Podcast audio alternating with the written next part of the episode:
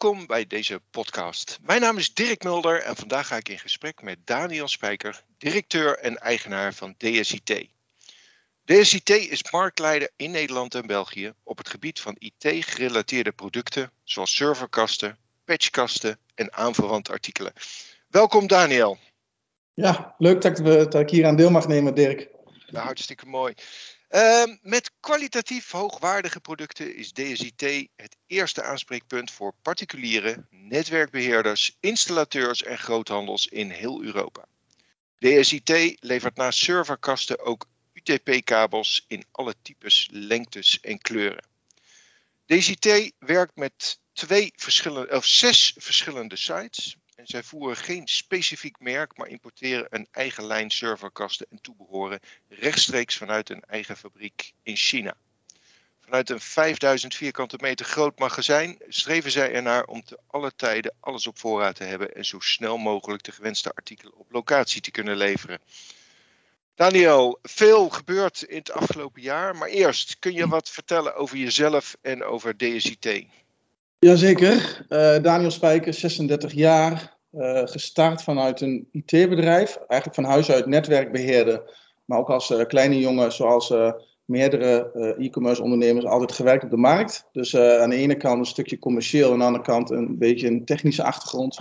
Ehm, en vanuit het IT-bedrijf in 2008 een tweetal webwinkels gebouwd. Surfercast.com en utpkabel.nl. Uh, om eigenlijk was destijds het idee om, om uh, naast het IT-bedrijf webwinkels te verkopen. En op dat moment hadden we uh, het idee van, goh, als wij nou zelf eens twee webwinkels bouwen, dan weten we hoe het is. En dan hebben we daar een onderscheidend vermogen ten, ten opzichte van de diverse bureaus die de ontwikkeling doen. Ehm, ons niet geheel gerealiseerd dat het ja, sky high zou kunnen gaan. Dus het IT-bedrijf is, ja, zijn we meer gestopt. En ook de ontwikkeling van webwinkels doen we niet meer. Op dit moment, uh, zeg maar twaalf jaar later, uh, is DHIT importeur, distributeur van petskasten en aanvallend artikelen. Doen we vanuit ons pand in Almelo, waar wij geografisch gezien natuurlijk ook uitstekend de Duitse markt kunnen bedienen.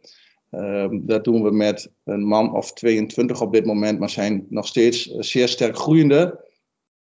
100% e-commerce georiënteerd. Dus we hebben wel een tweetal accountmanagers maar dat is meer om de organisatie een beetje een gezicht te geven, omdat ja, aan, aan uh, het voeren van webwinkels beklijft toch vaak nog een beetje het zolderkamer-idee. Um, dus vandaar dat we gezegd hebben van, goh, we hebben een tweetal mensen op de weg die de organisatie een gezicht geven. De belangrijkste focus voor ons is wel echt online en ook qua marketing en dergelijke is voor ons Google wat dat betreft wel primair. Dus dat is een beetje wat we doen. Jij gaf aan uh, even het imago vanuit de zolderkamer. Maar jullie zijn toch ook vanuit een soort van zolderkamer gestart? Ja, in 2008 vanuit, uh, eigenlijk vanuit een garagebox. Um, ja, en dan kom je er eigenlijk in de winter achter dat de tape en de dozen wat vochtig worden door het weer. Waardoor uh, we eigenlijk constant klachten kregen dat de goederen niet meer in de doos waren. Omdat de tape eraf liep. Dus in de winter heel snel vertrokken naar de zolderkamer. Uh, om, uh, om, om, twee jaar later eigenlijk uh, ja, meteen door te verhuizen naar het eerste pand. En we zijn op dit moment denk ik zes, zeven verhuizingen verder. wat er vooral mee te maken heeft dat die serverkasten compleet zijn opgebouwd. En dus eigenlijk ja, grote volume goederen zijn. Waardoor wij ja, eigenlijk vrij snel altijd tegen het plafond van de opslag aanliepen.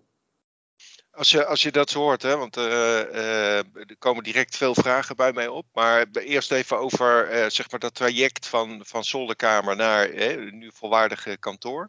Ja. Waar loop je dan tegenaan als bedrijf? Waar ben jij tegenaan gelopen? Ja, wat, wat vooral het moeilijkste was in het begin, is dat je huur moet gaan betalen. En dat klinkt heel gek, maar mhm. je krijgt in één keer een kostenpost bij waar je niet voorzien hebt. Of die je eigenlijk niet voorzien hebt. En dat was eigenlijk nog wel een spannend iets. Aan de andere kant krijg, creëer je ook heel veel vrijheid terug, omdat het uh, uh, in de tijd dat we nog bij mij thuis zaten, uh, liepen we wel met drie man eigenlijk constant de trap op in de zolderkamer. Het personeel had een huissleutel. Ja, en, en zij gingen er wel eigenlijk vanuit dat elke ochtend de kopjes weer schoon in de, in de kast stonden en dat de vaatwasser uitgepakt was. En het zijn echt die kleine irritaties Ehm, waardoor je op een gegeven moment denkt van ja, privé en zakelijk wordt compleet door elkaar heen geleefd. Dat je eigenlijk op een gegeven moment zegt van goh, ik wil ook wel weer een stuk vrijheid, een stukje privé. plus ik moet eerlijk zeggen dat mijn vriendin het ook wel meer dan zat was. Ehm, en daar ook wel, voorstellen. Dus ja, nee, dat is eigenlijk wat er gebeurt. Wat ik, wat ik wel heb ervaren, en dat is echt wel een tip die wij ook wel vaak geven aan beginnende e-commerce ondernemers. Zorg dat je zo snel mogelijk naar een kantoorpand gaat. Dat zorgt namelijk ook voor een bepaalde omzetdruk die je moet halen, omdat je nou eenmaal de huur moet betalen. En zorgt ook voor uh, ja, echt wel uitgebreide focus. Omdat het uh, toch wel in de tijd dat je thuiswerken toch nog wel een beetje een zoete inval was. Dat iedereen wist dat je thuis was. En die kwam een kopje koffie doen en die kwam gezellig buurten. Uh, dus nee, ik moet heel eerlijk zeggen dat ik echt wel blij was dat wij twee jaar later in een kantoorpand zaten met een, met een vrij klein magazijntje. Ja. Nou gaf je al aan, hè, van jullie waren een van de eerste die eigenlijk volledig webshop eh, gingen opereren, via webshop gingen opereren. Hm. Hoe heb je dat ervaren? Hoe heb je dat aangepakt? Ja, het was eigenlijk in de tijd dat serverkast.com was gewoon vrij te registreren nog in die tijd. Hm. Dus wij zijn gestart met, ik geloof, 6 euro eigen middelen en dat was de domeinnaam. Ja, en vervolgens ga je, uh, ga, je, ga je ontwikkelen en bouwen. En na een maand of drie kwam de eerste bestelling binnen en toen, toen schrokken we eigenlijk, want toen dachten we, goh, waar kocht het ook alweer in? En hoe kom ik dan aan een pakbon en aan een doos? En ja, de, de eerste eh, zending van ons, daar hebben we de doos op moeten halen bij de Albert Heijn. Om het ding te kunnen versturen. Dus ja, en op een gegeven moment loopt dat door. En dan, dan ga je van, van één order in de drie maand, ga je naar een order in de maand, naar een order in de week, naar tientallen per dag. Ja, en zo groeit dat eigenlijk door. En dat gaat eigenlijk vrij vanzelf. Ja, maar als je, als je het dan hebt over één orde in de maand, dan kan je niet echt van leven, denk ik. Uh... Nee, dat was eigenlijk in de tijd dat, wij, uh, dat ik het IT-bedrijf nog had. Mm -hmm. En mijn compagnon was grafisch vormgever en online marketeer, dus die deed diverse freelance werkzaamheden. Ja, en wij deden de webwinkels er een beetje bij. En uh, op een gegeven moment kom je een beetje op zo'n kantelpunt, eigenlijk, dat je zegt van ja, god, nu, nu hebben we wel een substantiële omzet. Nu moeten we eigenlijk wel de stap maken en cursus gaan maken. Ja, en dan kom je een beetje op een, op een een T-splitsing, dat je zegt van goh, ga ik linksaf of ga ik rechtsaf. Op dat moment hebben wij ervoor uh, gekozen om eigenlijk uh, ik, ik te stoppen met het IT-bedrijf. Uh, hij deed destijds een stap terug in zijn, in zijn ZZP-werkzaamheden. En hebben eigenlijk gewoon gezegd van ja, de, de, de, de eerste 500 euro die we verdienen betalen we de hypotheek van. En hij woonde nog thuis, dus ik ben hem eeuwig dankbaar voor de opmerking die hij toen maakte. En dat was Goh, Daniel, op het moment als we de hypotheek betaald hebben, is het goed. En als we geen geld meer overhouden, kom ik hier wonen. En uh, dat gaf mij enige rust uh, tot, tot de banken. Hè? Want jij bent toch, ik was toen 22, uh, eh, met, met net mijn eerste koophuisje. Ja, dan is het toch wel een beetje een gok. Ja, en dan groei je door. En dan tot, tot het punt waar we, waar we nu staan. In 2016 wel mijn compagnon uitgekocht. dus op dit moment ja, 100% verantwoordelijk. Ehm, maar wel lekker samengegroeid uh, ja, tot een substantieel niveau. Ja, ja, En eigenlijk is het elke dag focus houden. En ja, zorg dat je het elke dag een beetje beter doet dan de dag ervoor. Uh, nou is de e-commerce markt, hè, en dan praat ik voornamelijk over B2C, uh, is de afgelopen jaar, uh, of afgelopen jaren is natuurlijk al enorm gegroeid, maar het afgelopen jaar heeft natuurlijk een enorme explosie meegemaakt. Merk jij dat nou in jouw business zelf ook? Profiteer jij daar ook van? Um, ja, wij leveren hoofdzakelijk aan B2B. Eigenlijk leveren we aan de hele keten. We zeggen eens gekscherend, wij leveren aan de bakker op de hoek, aan de installateur van de bakker op de hoek en de groothandel van de installateur van diezelfde bakker op de hoek.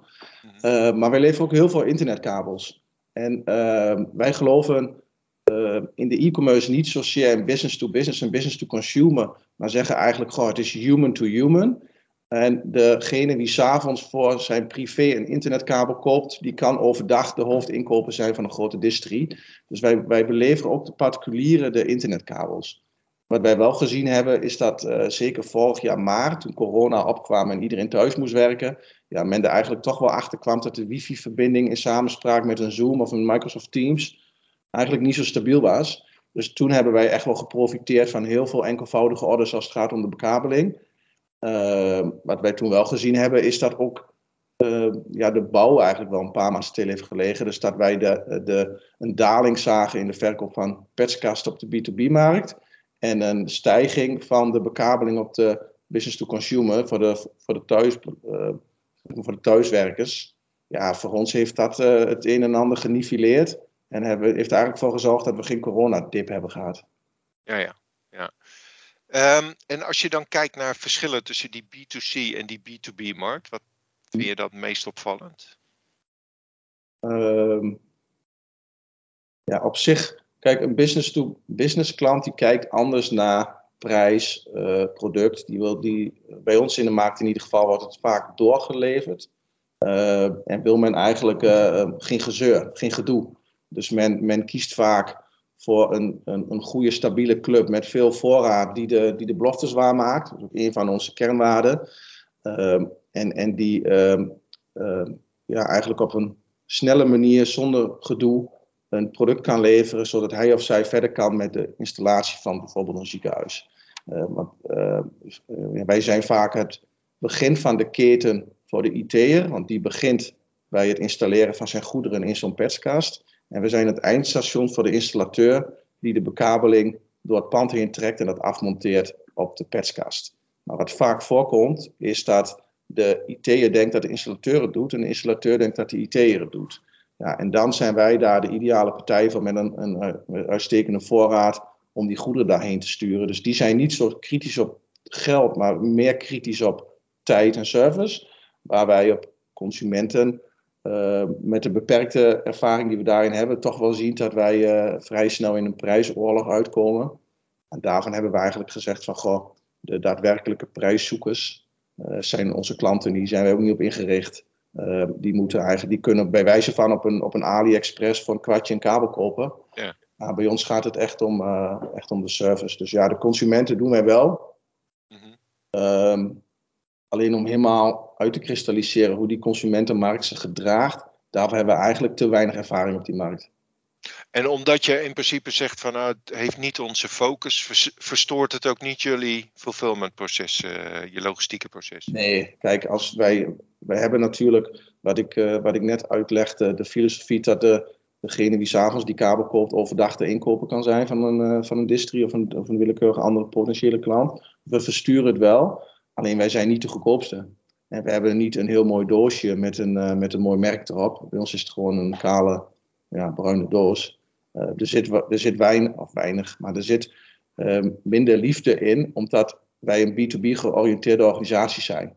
Dus wij, wij ehm, eh, zijn gewoon snel en goed. Alleen niet goedkoop. Ja, nee, dat is duidelijk.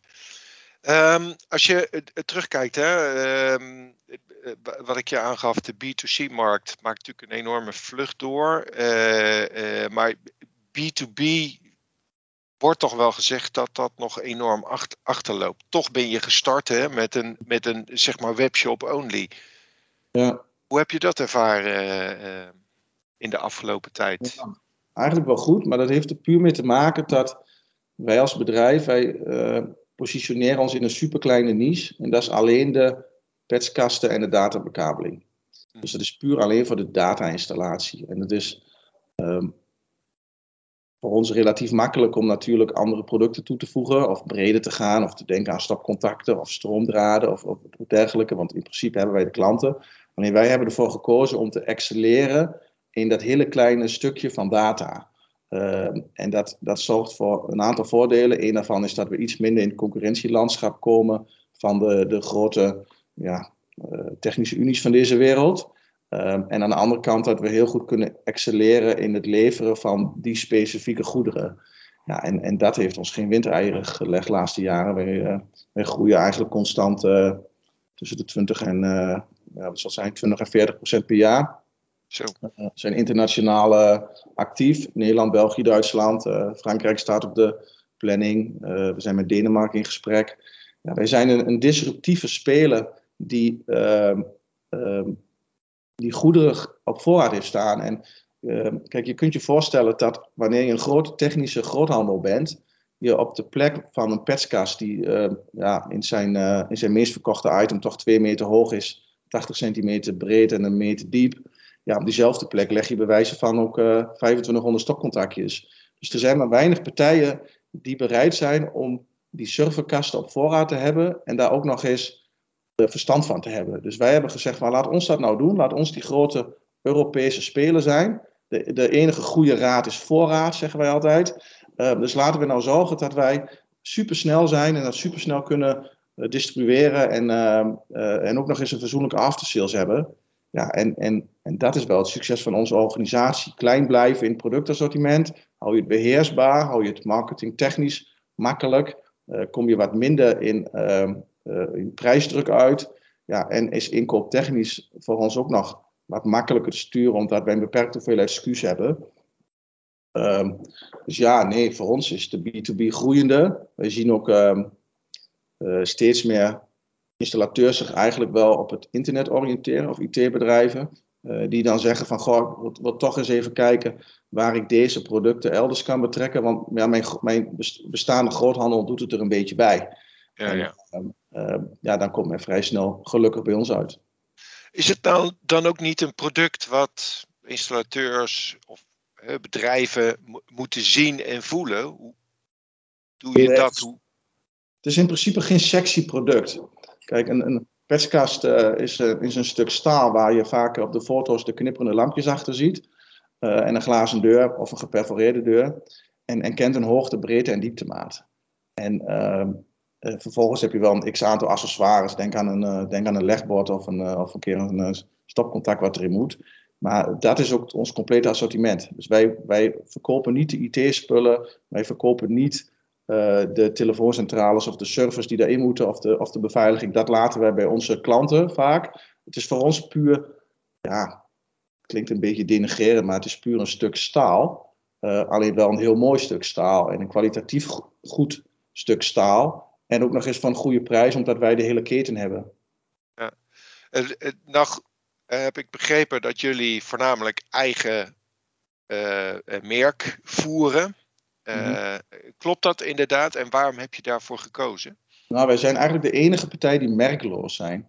Dus waar men normaal gesproken vaak op een product een merk plakt, is onze filosofie dat we zeggen van ja, wij leveren aan zoveel verschillende segmenten, van, van de IT'er tot de installateur, maar ook de demotica, ook de eindklant, ook grote retail die zelf de uh, uh, IT weer optuigt, dus die de franchise-nemers eigenlijk verplicht om met IT te gaan doen. Dan hebben wij eigenlijk gezegd van goh, eh, eh, laat ons nou iets minder zichtbaar zijn en laat iedereen zijn eigen marge kunnen draaien op de artikelen. Want je kunt je voorstellen dat een installateur die een compleet ziekenhuis doet en daar een verbouwing doet van een aantal miljoen, dat, die, dat voor hem een perskast uh, van 1000 euro prima is om daar een kleine marge op te doen.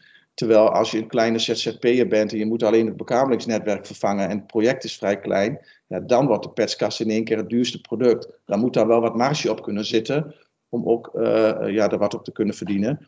Dus wij hebben juist gezegd, we plaatsen geen merk. Wij zijn wat minder zichtbaar.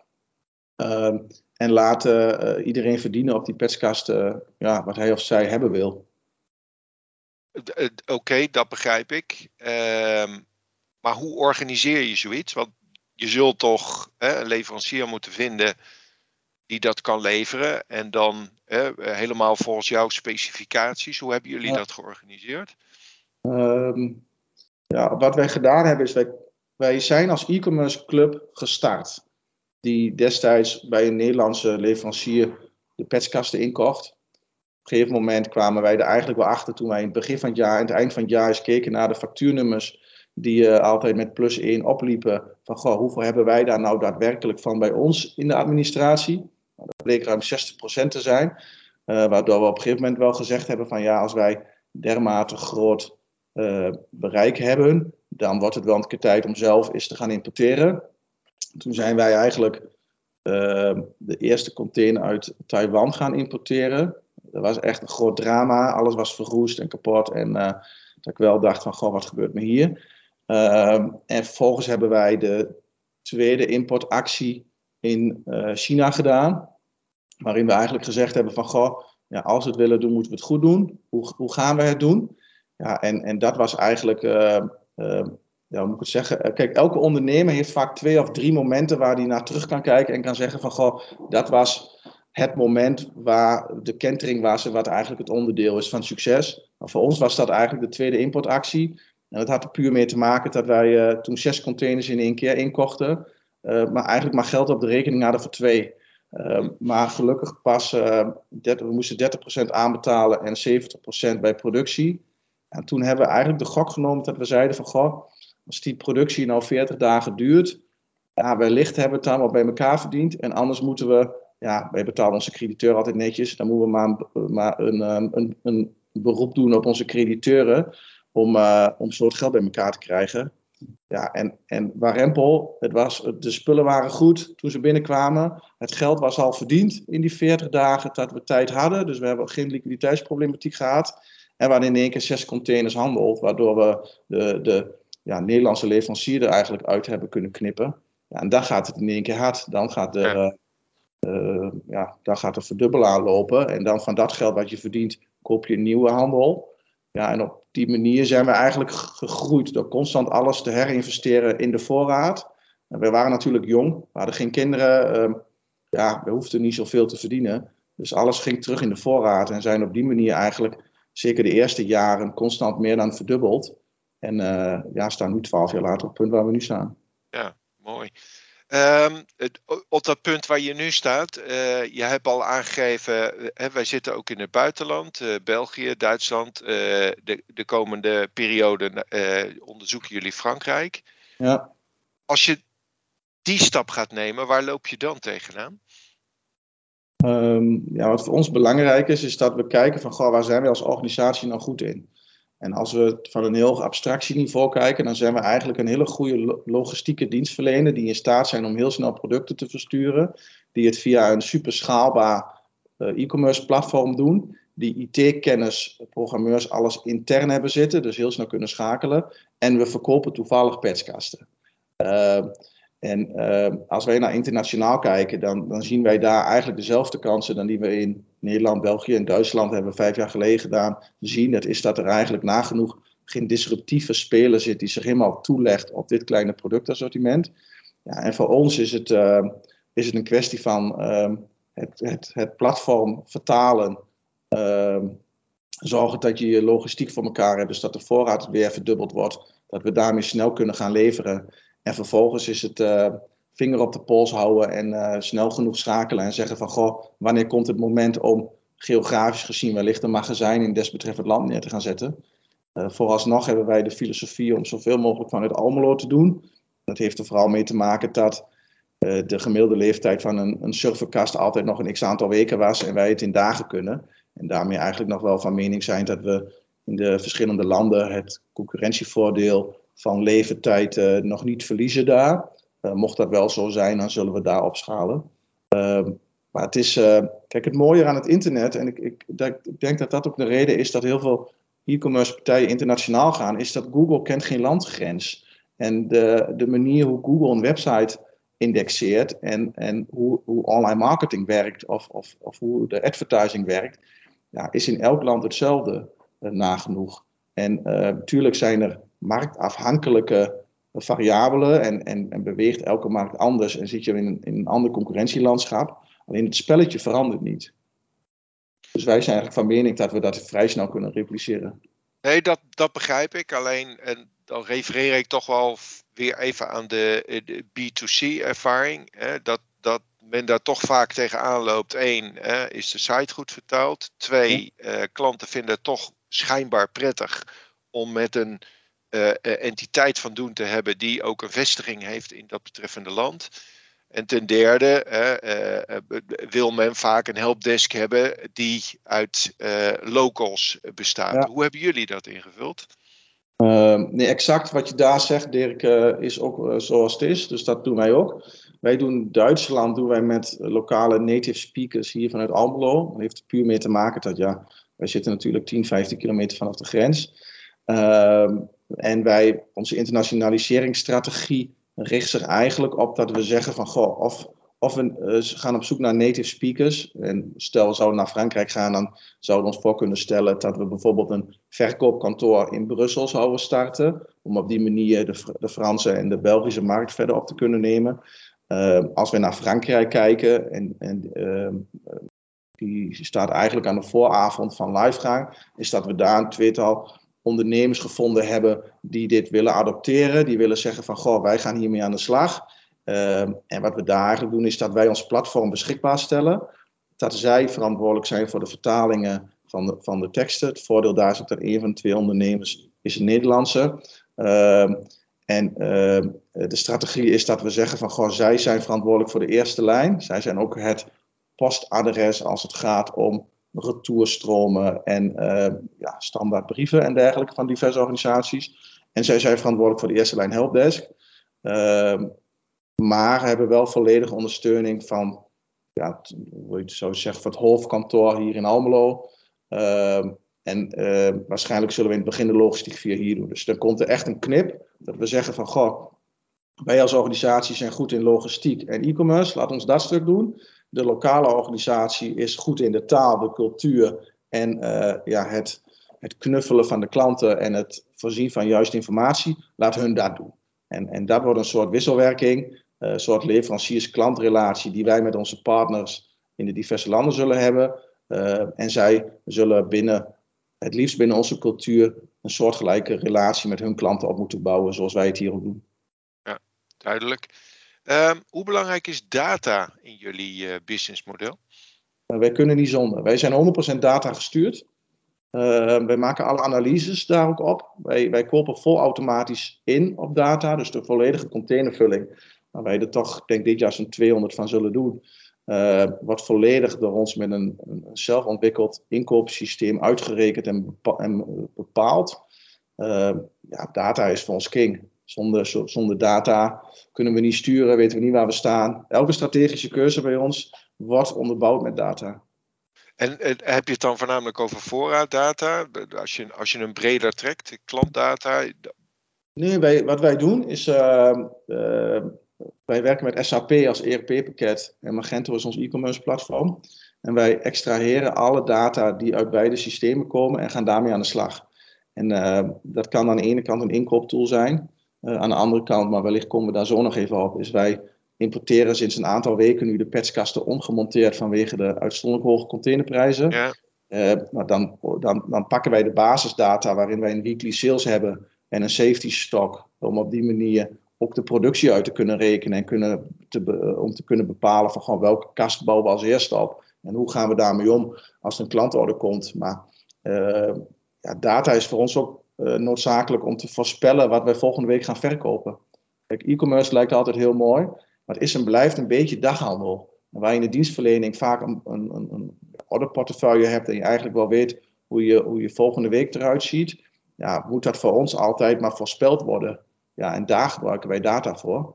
Um, dus het is aan de ene kant inkoop, aan de andere kant verkoopvoorspelling, aan de andere kant uh, productieontwikkeling. Uh, maar ook hoe gedraagt een klant zich op onze, op onze website?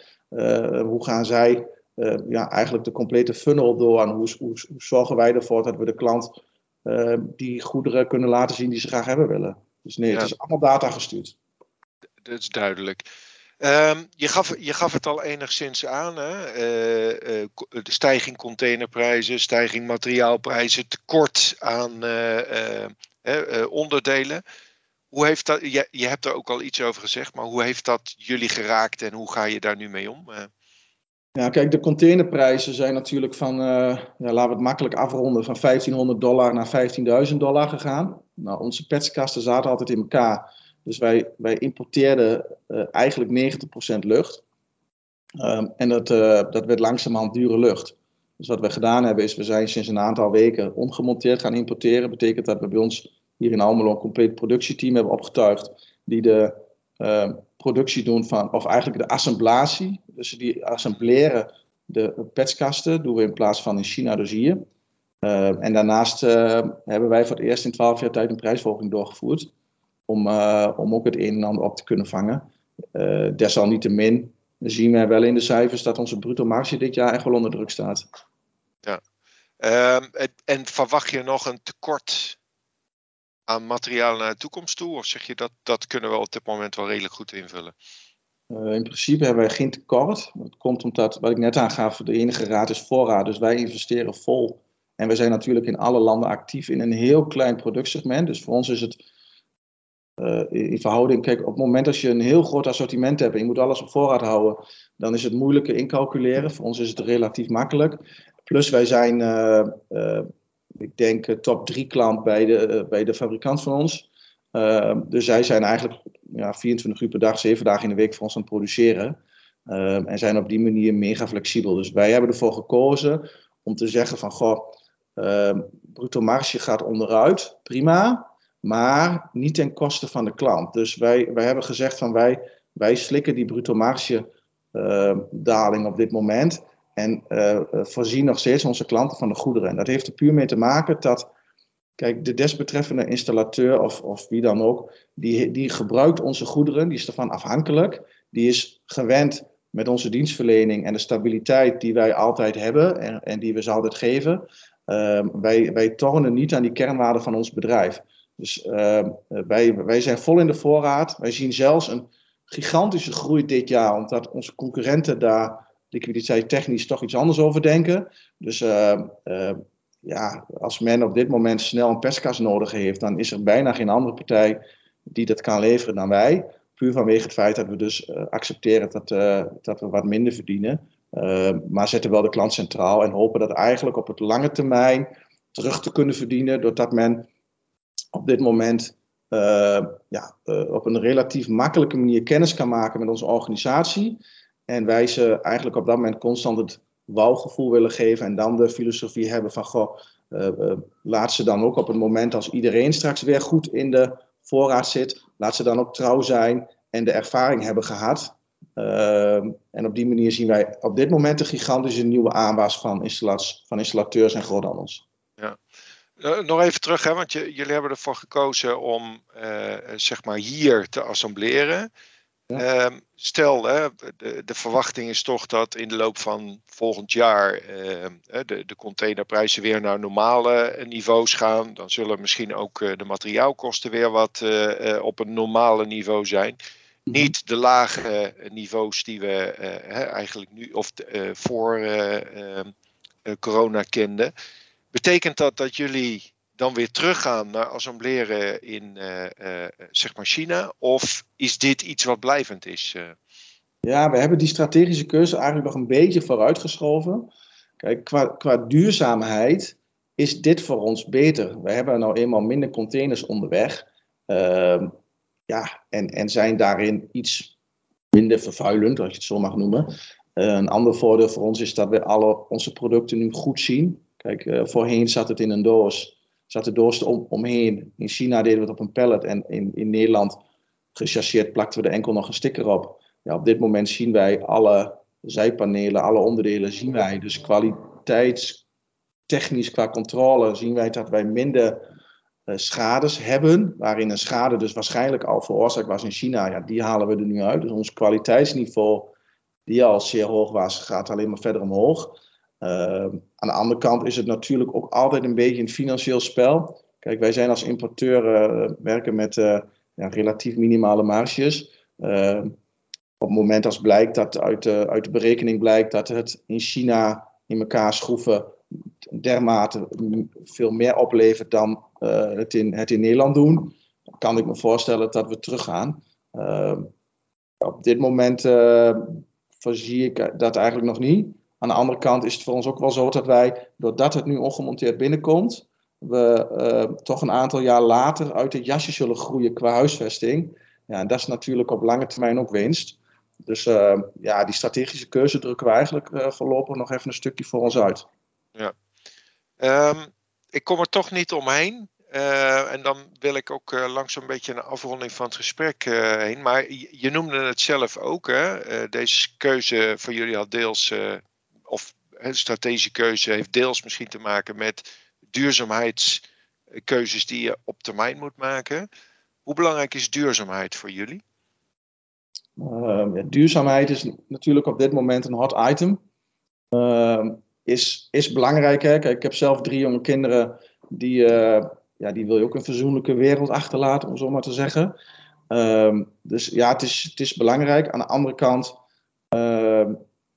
ja, hoe moet ik het zeggen? Kijk, wij, wij uh, we zien ook wel gekke dingen gebeuren als het gaat om duurzaamheid. Dat ik soms ook wel eens een beetje, is misschien een beetje de Twentse mentaliteit, dat we soms ook wel eens denken van, nou, uh, moet het allemaal zo, zo gek? Kijk, aan de ene kant zien wij in, in, in onze regio burgerinitiatieven opstaan die geen zonnevelden achter in de tuin willen hebben. En aan de andere kant heb ik hier 5000 vierkante meter dak en, en mag er puur alleen zonnepanelen op voor onszelf, omdat het net vol zit en we niet terug kunnen leveren. Uh, ja, dan denk ik ook wel, jongens, in hoeverre moeten we dat doen? Andersom uh, is het ook zo dat ik uh, vrienden heb die vanuit duurzaamheid zeggen: Goh, ik ga niet meer twee uur vliegen, want mijn uitstoot. Ja, en als ik dan zie, als ik in China ben, wat ze daar allemaal allemaal doen, dan, dan denk ik ook wel eens, ja, laten we met elkaar nou niet zorgen dat we roomse zijn als de paus met het, het hele kleine vlekje Nederland wat wij hier zijn. Um, andersom beredeneerd, alles wat we kunnen doen, zullen we doen. Uh, maar wel met mate. Maar dat is, ja. Dus ja, ja, het is belangrijk, maar ja.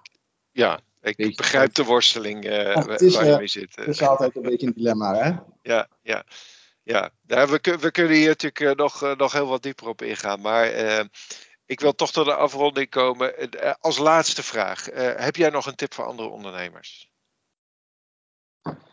puur e-commerce gerelateerd of in de breedste ja? zin van het oh. Ja, nee, kijk, wat voor, wat voor ons het, het, succes is, is zorg dat je elke dag een beetje beter bent dan de dag daarna. Maar goed, er zijn uh, legio-partijen die dat pretenderen. Maar vooral ja, leer van wat je doet. Dus, meten is weten, dus zorg dat je uh, alles inzichtelijk hebt en uh, zorg dat je een sterk managementteam hebt die ook bereid is om in een MT-overleg ja, te zeggen: Goh, we hebben dit verkeerd ingeschat, of goh, de data laat toch zien dat we het anders moeten doen, omdat e-commerce is aan de ene kant een, of, nou, eigenlijk is ondernemerschap is een gevoelskwestie en e-commerce zorgt er eigenlijk voor dat het meetbaar is.